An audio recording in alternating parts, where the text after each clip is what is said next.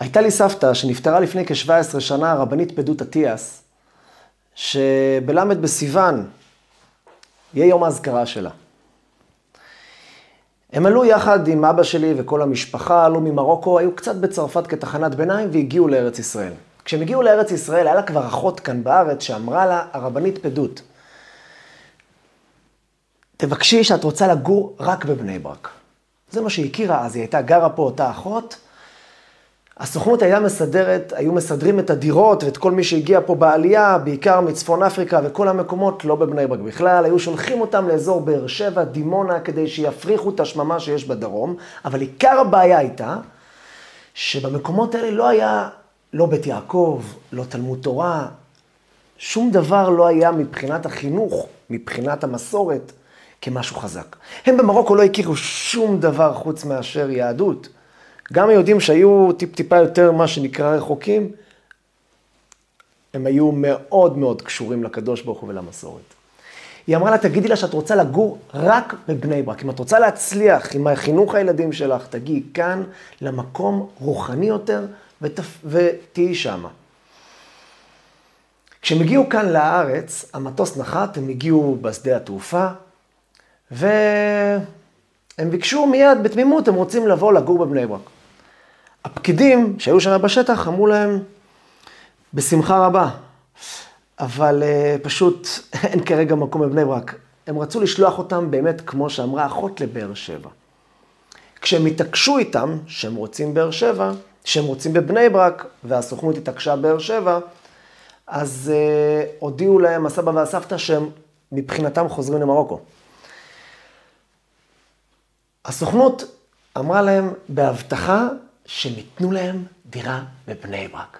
אבל בינתיים, בשבוע, שבועיים הראשונים, בואו תגורו בבאר שבע. אל תדאגו, נסדר לכם אחר כך דירה בבני ברק. כמובן שזה היה חלק ממי שהיה חי באותה תקופה יודע את התהליך של בעצם לספר סיפור אחד ולעשות משהו אחר, כדי ש... להיות יותר ישראלים, פחות קשורים למסורת כמו שהיו אז. הסבא התחיל לדון איתם. אבא שלי מספר לי שהוא זוכר סיטואציה אחת שכל הזמן עומדת לו מול הראש. הסבתא לקחה את השתי אצבעות, סתמה את האוזניים, ולא הסכימה לדבר אפילו מילה אחת עם אנשי הסוכנות. הם ניסו לדבר איתה, ניסו להסביר לה, תקשיבו, הכנו לכם פשוט דירה, יש כבר דירה מוכנה, אי אפשר מהרגע רגע לשנות, אתם השנייה נחתתם פה בשדה התעופה, כמה דקות נסדר, כמה ימים, כמה שעות, כמה חודשים, אבל צריך להסתדר איכשהו. אי אפשר מהרגע להרגע. והסבתא לא הסכימה לפתוח את האוזניים, היא רק אמרה דבר אחד, או בני ברק, או שתעלו אותי בבקשה במטוס חזרה לארץ המוצא. כי אני לא מסכימה מקום אחר. הסבא התווכח איתם. הסבא היה בדיוק חדור באותה מטרה, הוא רוצה לחנך את הילדים שלו במקום חינוך תורני. הוא ידע ששם אין שום בית ספר כזה, וכמובן שהיום אנחנו יודעים, תיסע לפה, תיסע לשם. הם הגיעו למקום, לא היה להם שום מושג, שום קרובי משפחה, למעט אותה אחות שגרה בבני ברק כבר. הם לא הסכימו. הסבא אבל התווכח איתם ודן איתם. אבל הסבתא אפילו לא הסכימה לפתוח את האוזניים. היא רק אמרה להם, רק צמנו לי בראש, בני ברק, כן, אם לא, מטוס. לא מוכנה לדון אפילו, לא מוכנה אפילו לפתוח דיאלוג. ומי ניצח? מי ניצח? סבתא ניצחה. הסוכנות לא היה להם ברירה להחזיר אותם חזרה, סיפור ארוך. לקחו מונית, העמיסו להם מזוודות, והביאו להם דירה בבני ברק. מסתבר שהיה להם כמה שמה. כשהם הגיעו לבני ברק, הם הגיעו, חיפשו את הדירה, גרו שמה וזכו לגדל משפחה לתפארת. בנים דיינים, רבני ערים, לא משנה כרגע התפקיד, אבל אם הם היו גרים במקום אחר, אם סבתא הייתה פותחת את האוזניים והייתה נותנת להם לשמוע, הם הגיעו למקומות שלא ידעו את התהליך שעוברים כאן בארץ ישראל אז מדינת, מדינה מערבית, ששם הכל פתוח והכל, הם הגיעו למקום מאוד מצומצם, סגור מבחינת התפתחות. הם היו רגילים מאוד לשכונה הקטנה, למלח, מה שנקרא שם במרוקו. הם לא חשבו על משהו אחר. אבל הסתימת האוזניים הזאתי הצליחה לעשות, לגדל משפחה שאחר כך הסבתא הזאתי הייתה צדקת עצומה, היא וכל משפחתה. היא הייתה מחטטת רגליים בדיוק לבאר שבע ולדימונה, איפה שרצו לשים אותה. לבעלה היה סמינר, עד היום שייבדל לחיים. הייתה הולכת לשם באוטובוסים של פעם, לפני 40-50 שנה, שאז זה אומר לנסוע לתל אביב, מתל אביב לאוטובוס נוסף, בערך 7-8 שעות נסיעה, שלפני 50 שנה. וכך גם בחזור, לפעמים גם הייתה נשארת שם, והייתה לוקחת איתה ילדות לסמינר בבני ברק. אם היא הייתה הולכת לבאר שבע, כנראה היה צריך מישהו אחר שיקח אותה לסמינר הזה. מה היא עשתה פה? היא עשתה משהו אחד. סתמה את האוזניים, שהמשמעות שלה, ככה וזהו. יש דברים שהם מעבר להיגיון, יש דברים שבעצם, עצם זה שאנחנו מתווכחים, פותחים דיאלוג, פותחים דיון, יש מצב שאולי כן. לפעמים הדיון על דבר מסוים נותן אופציה לצד השלילי. ויש דברים שאנחנו צריכים לדעת שזה ככה. למה? ככה לפעמים זה גם תשובה. השכל הוא לא דבר רע, השכל הוא דבר מצוין. אנחנו צריכים לדעת להפעיל אותו, את ההיגיון, לשמוע דעות, להיות בתוך העסק, אבל שהוא לא יגביל אותנו. השכל לפעמים הוא גם דבר לא כל כך טוב. לפעמים שכל אפשר להגיע לדברים לא הגיוניים או הגיוניים בלשון העם והעולם, אבל היא חוטאת לאמת. יש וורט שאומר על מה שהקדוש ברוך הוא אמר לאדם הראשון, ראה, תראה את העולם שבראתי לפניך, תראה איזה עולם יפה. תן דעתך שלא תחריב את העולם. אז יש וורט שמסביר, תן דעתך, תן לי את הדעת שלך. תן לי לפעמים את השכל שלך, תחזיר אותה אליי. שלא תחריב את העולם. השכל הוא דבר מתוק, דבר עצום ונפלא. לפעמים, לפעמים הוא גם יכול להחריב. ההיגיון של היום הוא לא ההיגיון של מחר. ההיגיון של אתמול הוא ישן נושן. הדעות מתחלפות, ואם לא יהיה לנו איזה בסיס מסוים, והבסיס יהיה השכל או הלב שלנו, יום אחד אנחנו יכולים להגיע למקומות אפלים מאוד. מהו הבסיס? מה לפני השכל? פרשת השבוע שלנו, פרשת חוקת. זאת חוקת התורה. חוקה מסמלת את החוק, את הבלי היגיון. פרה אדומה שכל כולה זה חוק, אין לה הבנה. גזרה היא מלפניי ואין לך רשות לערער אחריה, למה ככה? אם נשים לב, התורה לא קוראת לזה זאת חוקת הפרה, זאת חוקת התורה. יש פה משמעות ומסר עמוק לכל החיים שלנו. יש מצוות שיש להם הבנה בשכל, יש מצוות שאין להם הבנה בכלל בשכל. יש הבנות שיש להם אמצע, אחרי שעשו לי אותם, אחרי שאמרו לי אותם, אני מוצא בהם קצת היגיון. יש מצוות כמו פרה אדומה, אין להם שום תפיסה בשום דבר. אתה לא מבין למה אדום, למה זה מתאר אותו, מטמא אותו, מה כל התהליך הזה שלוקחים פרה, שורפים אותה, שמים בתוך מים, זורקים על מישהו, והוא נהיה טהור, וזה שזרק נהיה טמא. חוק, חוק. אבל התורה קוראת לזה, זאת חוקת התורה. בגלל שהתורה באה ללמד אותנו. יהודי יקר, אני רוצה שכל התורה, גם את, את הדברים שאתה מאוד מבין אותם, מבחינת שכל, לב, מוסר, ערכים, לך על זה, כי זה חוק. היום כולנו מבינים שלגנוב זה דבר לא יפה, לא מוסרי, לא ערכי. יכול להיות שפעם חשבו שזה כן ככה, שזה כן בסדר. אבל גם אם נגיד שמעולם לא חשבו כך, וזה מוסרי וזה ערכי, אומר הקדוש ברוך הוא, ממך אני רוצה משהו אחר, יהודי יקר. אני רוצה שהגניבה והגזלה וכל הדברים האלה שנראה לך מאוסים אצלך, אתה עושה אותם, או שאתה לא עושה אותם, כי ככה. כך אמר הבורא. אחרי שהקדוש ברוך הוא אסר את הגניבה, הוא גם יצק לתוכו רגש. הוא גם ברא אותנו עם הרגש הזה, שזה דבר לא יפה ולא ערכי ולא מוסרי. הרי את המוסר הוא ברא. את המוסר הקדוש ברוך הוא נתן ויצר אותו בעולם. הוא יכל ליצור אותו הפוך. יכל ליצור שגזל זה דבר נפלא, בדיוק כמו אצל הבהמות והחיות. כל המוסר והערכים שיש זה יצירה מסוימת שבורא עולם שם אותה אצלנו.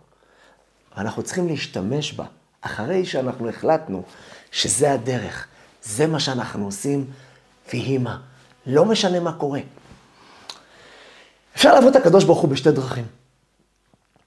ברור שאנחנו צריכים לעבוד גם עם השכל שלנו, עם הלב שלנו, עם הרגש שלנו, וזה דבר נפלא ועצום. אני לא צריך לקחת את ארבעת המינים ולהרגיש שאני מנענע מטאטא, ואני לא צריך להדליק אה, נרות חנוכה או להשתכר בפורים בלי להבין מה אני עושה בכלל. או להניח תפילין ולהרגיש איזשהו משדר שנמצא לי על הראש ועל היד. אני צריך להתחבר לזה, אני צריך להיות חלק מהדבר, זה צריך להיות חלק ממני.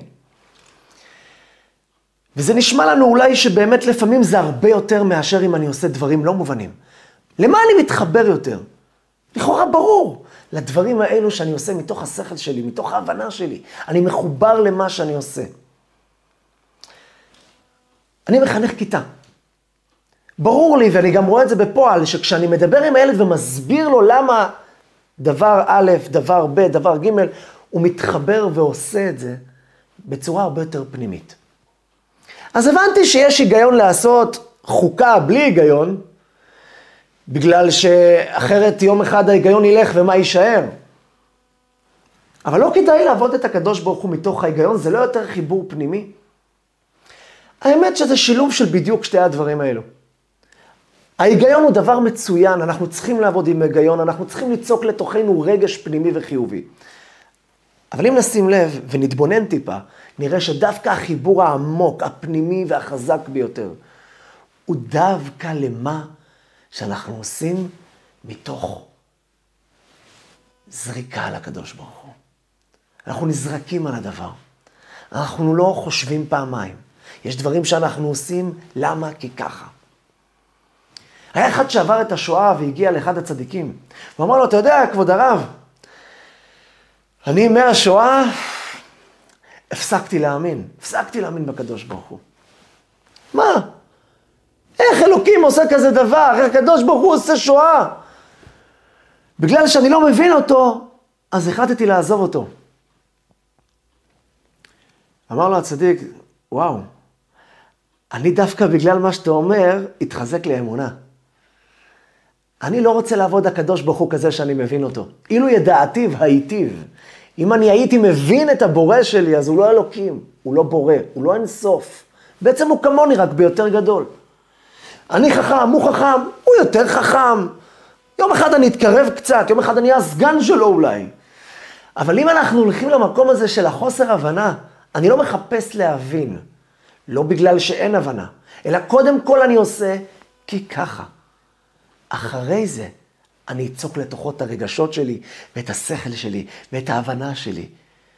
אבל דבר ראשון, הנקודה הראשונה שאיתה אני צריך ללכת, זה הנקודה שאני עושה כי ככה, להתמסר לדבר עד הסוף.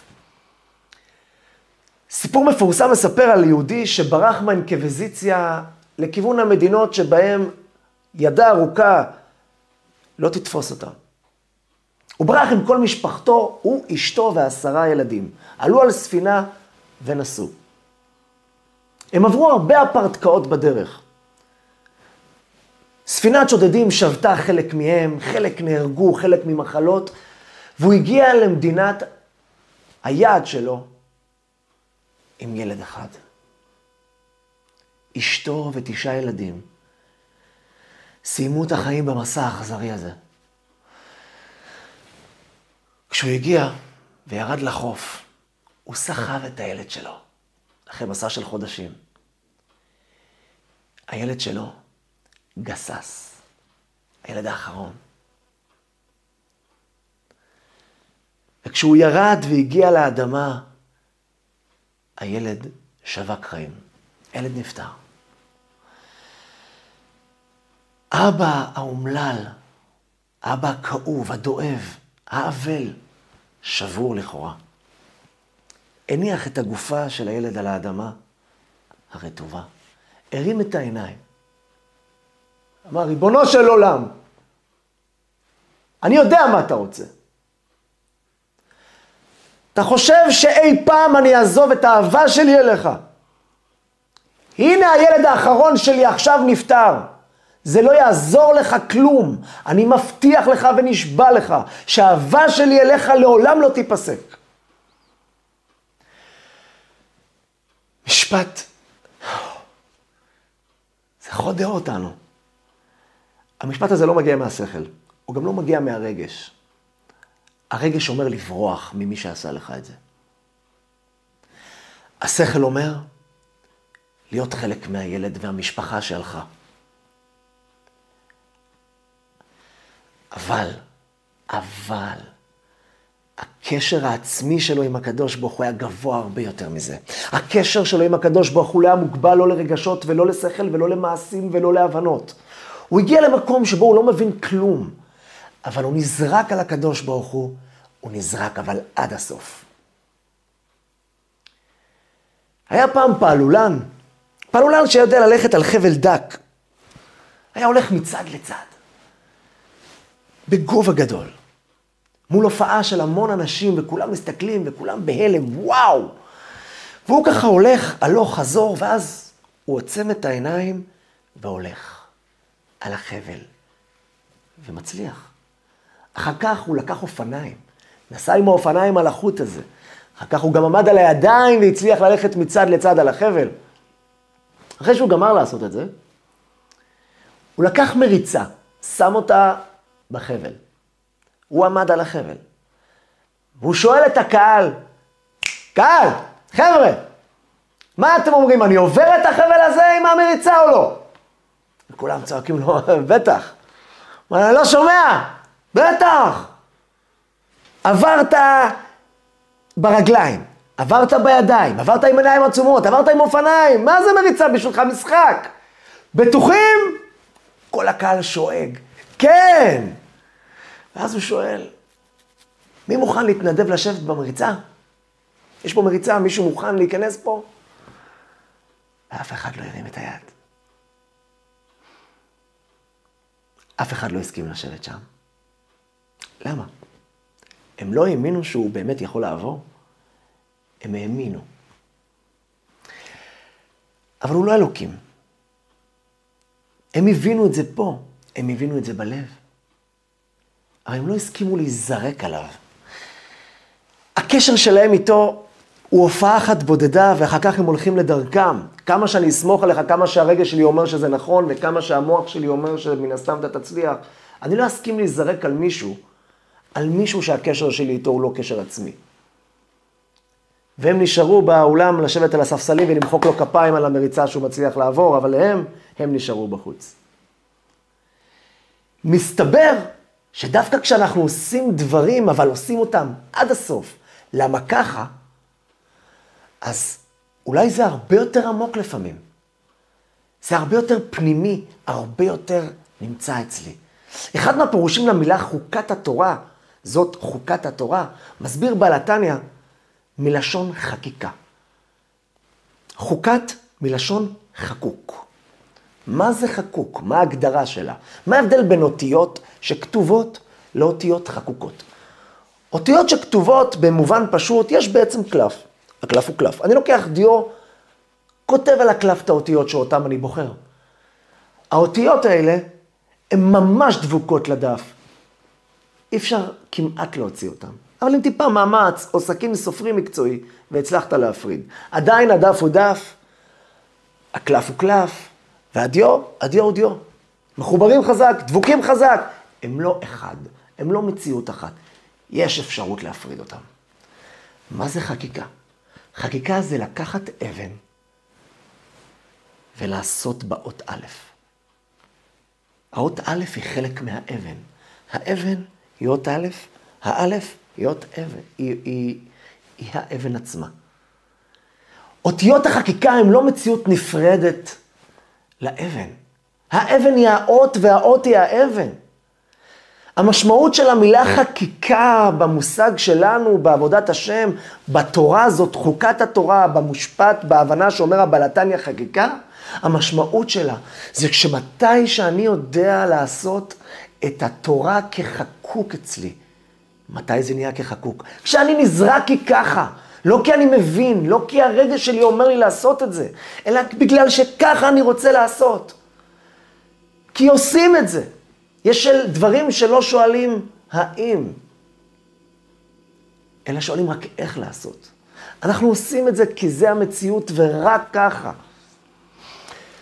באותו רגע התורה נמצאת אצלנו במושג של חקיקה. עברנו מאותיות הכתב לאותיות חקוקות. בדיוק מה שהיה בלוחות הברית, שהיו חקוקות על הלוחות. חרוט, גם חקוק וגם חרוץ זה אותו דבר.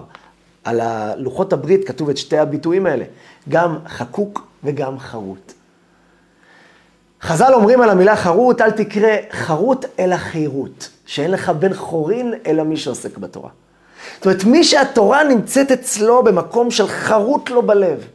מתי זה נהיה חרוט? רק אם אני נזרק, רק אם אני לא באמת הולך עם היגיון ושכל ולב, אלא אני יוצק את הלב ואת השכל אחרי, אחרי שנזרקתי על הדבר, ואחרי שהחלטתי שאת זה אני עושה וזהו. רק אחרי זה, אחרי שאני הולך עם מסירות נפש עד הסוף. התורה נהיית אצלי, חוץ מחרוטה, היא גם לשון חירות. אני משתחרר. למה? כי בעצם אני מגלה את מי שאני. הרי מי זה אני? מי זה המציאות של היהודי? האף שלי? אם אני אוריד את האף, אני לא אהיה אני? אחרי פטירתי, אני נקבר, ומה? יש המשך. יש נשמה, יש חיים, יש חיים מפקים בתוכו. מי זה האדם? כשאני אומר למישהו שהוא לא בן חורין, אני שם אותו בכלא, למה הוא לא בן חורין? למה כשאני לוקח אבן ואני שם אותה בכלא, היא כן בת חורין? מה ההבדל ביניהם? ההבדל הוא פשוט.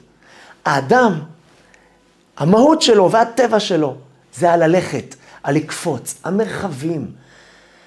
ואם שמת אותו בכלא, סתרת את מישהו. הוא לא בן חורין. אבן לא צריכה את כל הדבר הזה. אבן לא צריכה את המרחב, היא לא צריכה נוף. תן לה פינה, שים אותה, היא שם. להמון שנים. קח אריה, קח כלב, שים אותו בתוך כלוב. הוא גם כן אותו דבר, ירגיש ברגע זה לא בן חורין. תפס אותי, מה אתה שם אותי בכלא? למה אתה שם אותי בכלוב? אני רוצה את המרחב, אני רוצה לרוץ בשדה, ביער. אבל אם הכלב הזה לא יצליח להתפלל, הוא לא ירגיש שהוא לא בן חורין. אני, אתם, כולנו, כן. למה? בגלל שזה סותר את המהות שלי. אז מי שאצלו התורה היא מלשון חקיקה, חרוט, הוא גם מצליח לחוות את עצמו באמת. דווקא אז הוא מתחבר למישהו. דווקא אז הוא נהיה בן חורין, משוחרר, כי הוא בעצם גילה את מי שהוא בעצמו. ומי הוא? מי הוא זה מי שאמרנו עכשיו. הוא עד הסוף. היה פעם דרשן שהגיע ל... לאחד המקומות לדרוש וככה הוא דיבר איתם, זה היה חבר'ה מאנוסי ספרד, אלה שברחו מהאינקוויזיציה, והוא דיבר איתם על הקדוש ברוך הוא, כדרכם של אותם חכמים אז שהגיעו, הגיע ממדינה מסגנון אחר, הם עסקו בחוכמת החקירה והפלפול. ואז הוא התחיל להוכיח להם, כמו שהיום הרבה רגילים לעשות, שיש הקדוש ברוך הוא בעולם. ודן איתם על הנושא ונתן להם הוכחות לוגיות, מה שנקרא, לוגיקה, שיש הקדוש ברוך הוא. ואז באמצע יצא לו משפט, משפט קטן. ואז הוא אמר, שאל שאלה. הוא תראה תשובה, אז הוא אמר, ואם תגיד שאין הקדוש ברוך הוא, חס שלום, ואם תגיד ש... הוא ניסה להגיד את התשובה, אבל הוא כבר לא הצליח, כי מעזרת אנשים פשוט עצרו אותו. הוא לא הצליח להאמין למה הוא לא מצליח למסור את הדרשה. הוא ניסה כמה שניות והפסיק הדרשה. הוא שואל, מה קרה? למה, מה זה להאשים? אמרו לו, מעזרת אנשים יש קצת בלאגן. ואז אישה אחת צועקת, כבוד הרב, אבא שלי וסבא שלי נשרפו בטקס אוטודפס של האינקוויזיציה, שהיו שורפים את אלה שגילו את יהדותם האנוסים הקדושים. והם נשרפו על האש רק בגלל שהם לא שאלו את האם שלך. הם לא שאלו אם והיה להם תשובה שכן. כי אם כך, יום אחד יהיה משהו שלא יהיה לך תשובה עליו, אתה לא תיזרק עליו. אבא שלי וסבא שלי נזרקו על האש כי ככה, בלי הסברים, בלי היגיון. ככה, כי פשוט זהו זה. זה הדבר הכי עמוק. כשאנחנו עושים דברים כי ככה, שום דבר לא יכול להסתיר על זה. כל הדברים בעולם אפשר להסתיר עליהם. גם שמש גדולה, יום אחד יש עננים שמסתירים עליה. גם אחד שמואר כולו, כולו בדבקויות, כולו באורות גבוהים. גם אור אפשר לכבות. יש משהו שאי אפשר לכבות אותו. בגלל שהוא לא בדיוק נקודה של אור. זה עצמיותך, זה אתה. אני לא יכול לברוח מעצמי. אני לא יכול לכבות את עצמי. אני תמיד קיים. אני, זה עצמיותי. חוקת התורה היא גם חקיקה. היא נהיית אתה. בדיוק אתה. והדרך להתמודד עם העץ הרע הרבה פעמים זה לא ללטף אותה, ולא לספר לה ולא להתווכח איתה. אדם נמצא במריבה, בכעס. אפשר בהחלט לעבוד על מידת הכעס ולנסות לראות איך אני מצליח להשלים עם החבר שלי. אבל הרבה פעמים, הרבה פעמים, צריך לעבוד עם הככה הזה. פשוט לקום בוקר אחד, לדפוק על השולחן ולהגיד, אני מסיים עם זה. פשוט ללכת לחבר, להרים לו חיבוק ולהגיד לו, אני איתך. וסיימנו את זה בבת אחת. ההתחלה שלה היא קשה, אבל רגע אחר כך, איפה היצרה נעלם? למה כשאני נלחם על מידת הכעס לוקח לי שנים, ופה זה נגמר בשנייה אחת המריבה הזאת? מסיבה פשוטה. כי מול דבר כזה, מול אחד שעובד פרינציפ, מול אחד שעובד ככה, מה אתה יכול להגיד לו? מה אתה יכול להילחם איתו? היצר נסתם טענותיו. אין לו משהו שיכול להתמודד עם בן אדם שמחליט שהוא עושה עכשיו כי זה המציאות וככה הוא עושה אותה. אין לו שום דיאלוג איתך. בדיאלוג, עצם הדיאלוג הוא כבר סוג של ניצחון. לפעמים. אחרי שהחלטנו שככה, ואנחנו עושים את זה כי זהו זה, בואו נפתח דיאלוג, בואו נפתח שכל, בואו נפתח היגיון. זה נפלא. בטח שזה נפלא. אלה שמעשנים יספרו לכם שיש להם כל השבוע צורך עצום לסיגריה. איך צ'רצ'יל אמר פעם? מה הבעיה להפסיק לעשן? אני לא מבין מה כולם אומרים, קשה להפסיק לעשן. אני כבר הפסקתי אלף פעם, זה לא מפריע. כי זה מאוד קשה. כי כל השבוע יש לחץ, יש משהו ממכר, ניקוטין, זה מפעיל את המוח, לא משנה אם דמיון, לא דמיון, אבל בשורה התחתונה, קשה מאוד להפסיק לעשן. גם כשאתה מחליט להפסיק, כל הזמן אתה חי במלחמה. עוד פעם ועוד פעם ועוד פעם ועוד פעם. תיקח יהודי שומר תורה ומצוות, תשאל אותו, תגיד לי, מה קורה בשבת? למה אתה לא מעשן? לא קשה לך? התשובה שתשמעו כמעט מדהימה. הם לא חושבים על סיגריה בכל השבת. לפחות רובם. ואני בתוכם. אין. בשבת, כמו נסתם המעיין, ואפילו אין מחשבה. רגע, ויבוא מישהו ויאמר, טוב, כי אי אפשר לעשן בשבת. זה לא נכון. למה אם אחד נמצא עכשיו בטיסה במטוס, ואי אפשר לעשן במטוס, הוא מחכה כבר לנחיתה שתקרה רק בעוד כמה שעות, והוא כל הזמן חושב על סיגריה. בשבת יש איזושהי נעילה, נכנס שבת, הוא פתאום לא רוצה כלום. למה? מה קרה פה? מה השתנה פה? בגלל שבשבת האופציה לא קיימת, גם לא כדיאלוג. כי חונכנו מגיל אפס ששבת, שבת אין אופציה לעבור אותה. זו חומה בלתי עבירה. למה אני שומר שבת? כי ככה. מה זאת אומרת? לא בגלל מנוחה, לא בגלל כיף, לא בגלל שבת משפחתית וחוויה קולינרית נעימה. לא. למה? ככה. לפעמים כשילדה שלי, אני שואל אותה שאלה, היא עונה לי ככה, אני אומר לה, בתי היקרה, ככה זה לא תשובה. אבל יוצא לנו עכשיו שככה לפעמים זה כן תשובה. וזה נכון. ככה לפעמים זו התשובה הכי נכונה. לפעמים אנחנו צריכים לעשות את הדברים כי ככה, כי זהו זה. כמו אותה דוגמה בסיגריה, יש דוגמה בכל הציבור היהודי כולו. היא נקראת ברית מילה. פלא פלאות, משהו מאוד מעניין. ברית מילה, המצווה הכי פחות מובנת. לקחת ילד בן שמונה ימים, נולד לפני שבוע ויום. לחתוך אותו? להקיז לו דם? מה זה? זו המצווה הראשונה שהייתי חושב שמי שטיפ-טיפה רחוק מיהדות, הוא לא יעשה אותה. אבל רובה דרובה דכולה עלמא של עולם היהודי, עושה את זה. יהודים שלא נמצאים בבית הכנסת, יהודים שיכולים בשבת, במועד או בכל סיטואציה אחרת, לא לדעת בכלל מה צריך לעשות שם. אין להם מושג מה זה כביכול, מה זה הקדוש ברוך הוא, מה זה תורה, מה זה מצוות. אבל יש דבר אחד שאף אחד לא מוותר. ברית מילה. למה? מה יש בברית הזאת? הברית גם כן נקראת חוק. כשעושים ברית מילה מברכים איזושהי ברכה, ובברכה הזאת אנחנו אומרים, חוק בשארו שם. הברית הזאת היא חקיקה, היא חוק. חוקקים בבשר שלנו. היא גם חוק, כי היא לא בדיוק מובנת. אות חתם בברית קודש. זה אות, זה ברית, זה חוק, זה חקיקה. ובגלל שזו מצווה של חקיקה, אברהם אבינו עשה את זה ראשון וכולנו אחריו.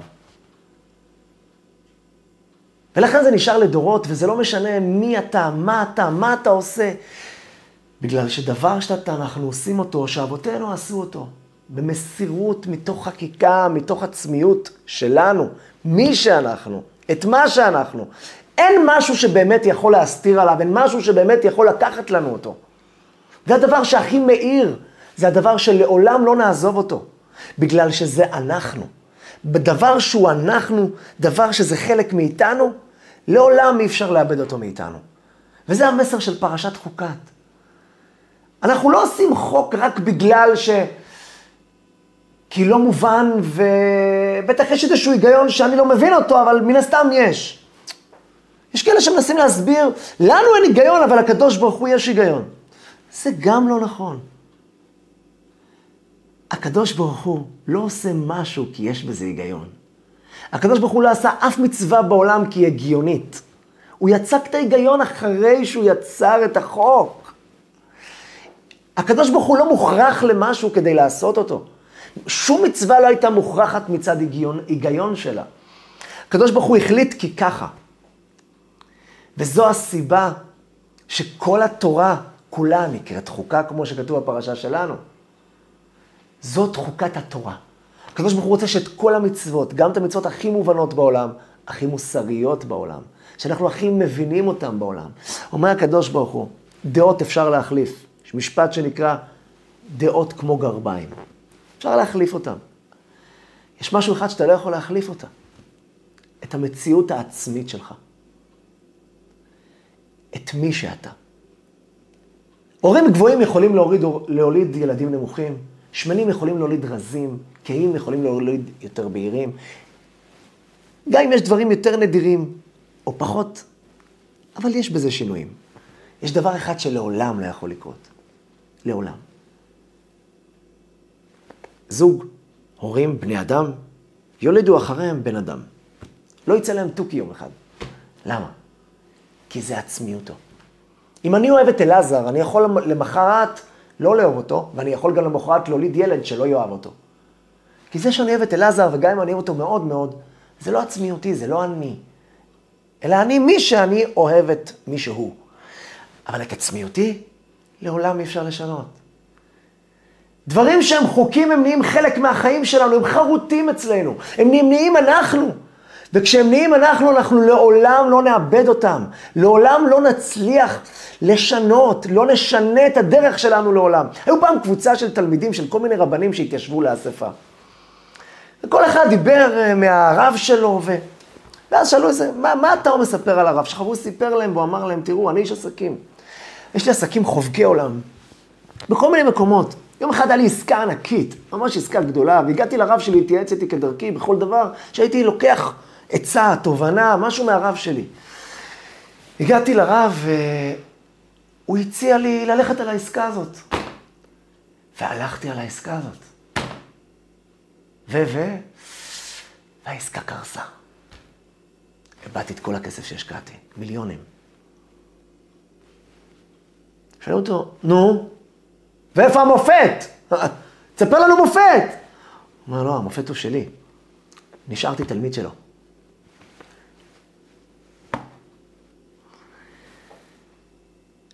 אנחנו לא יודעים לעשות את זה הרבה פעמים. לנתק אינטרס, לנתק מחשבות, לנתק לבבות, לנתק, לנתק רגשות, רק להתחלה. לעשות דברים כי ככה אנחנו צריכים לעשות. לעולם לא נצליח לשנות אותנו. אף אחד לא יצליח לשנות את הדרך שלנו. אנחנו נלך באותו קו. אחר כך ניצוק לתוכו את כל מה שצריך. אנחנו נתחבר לזה, אנחנו נהיה בתוכו, נעשה, ואז נשמע. זה בדיוק המטרה.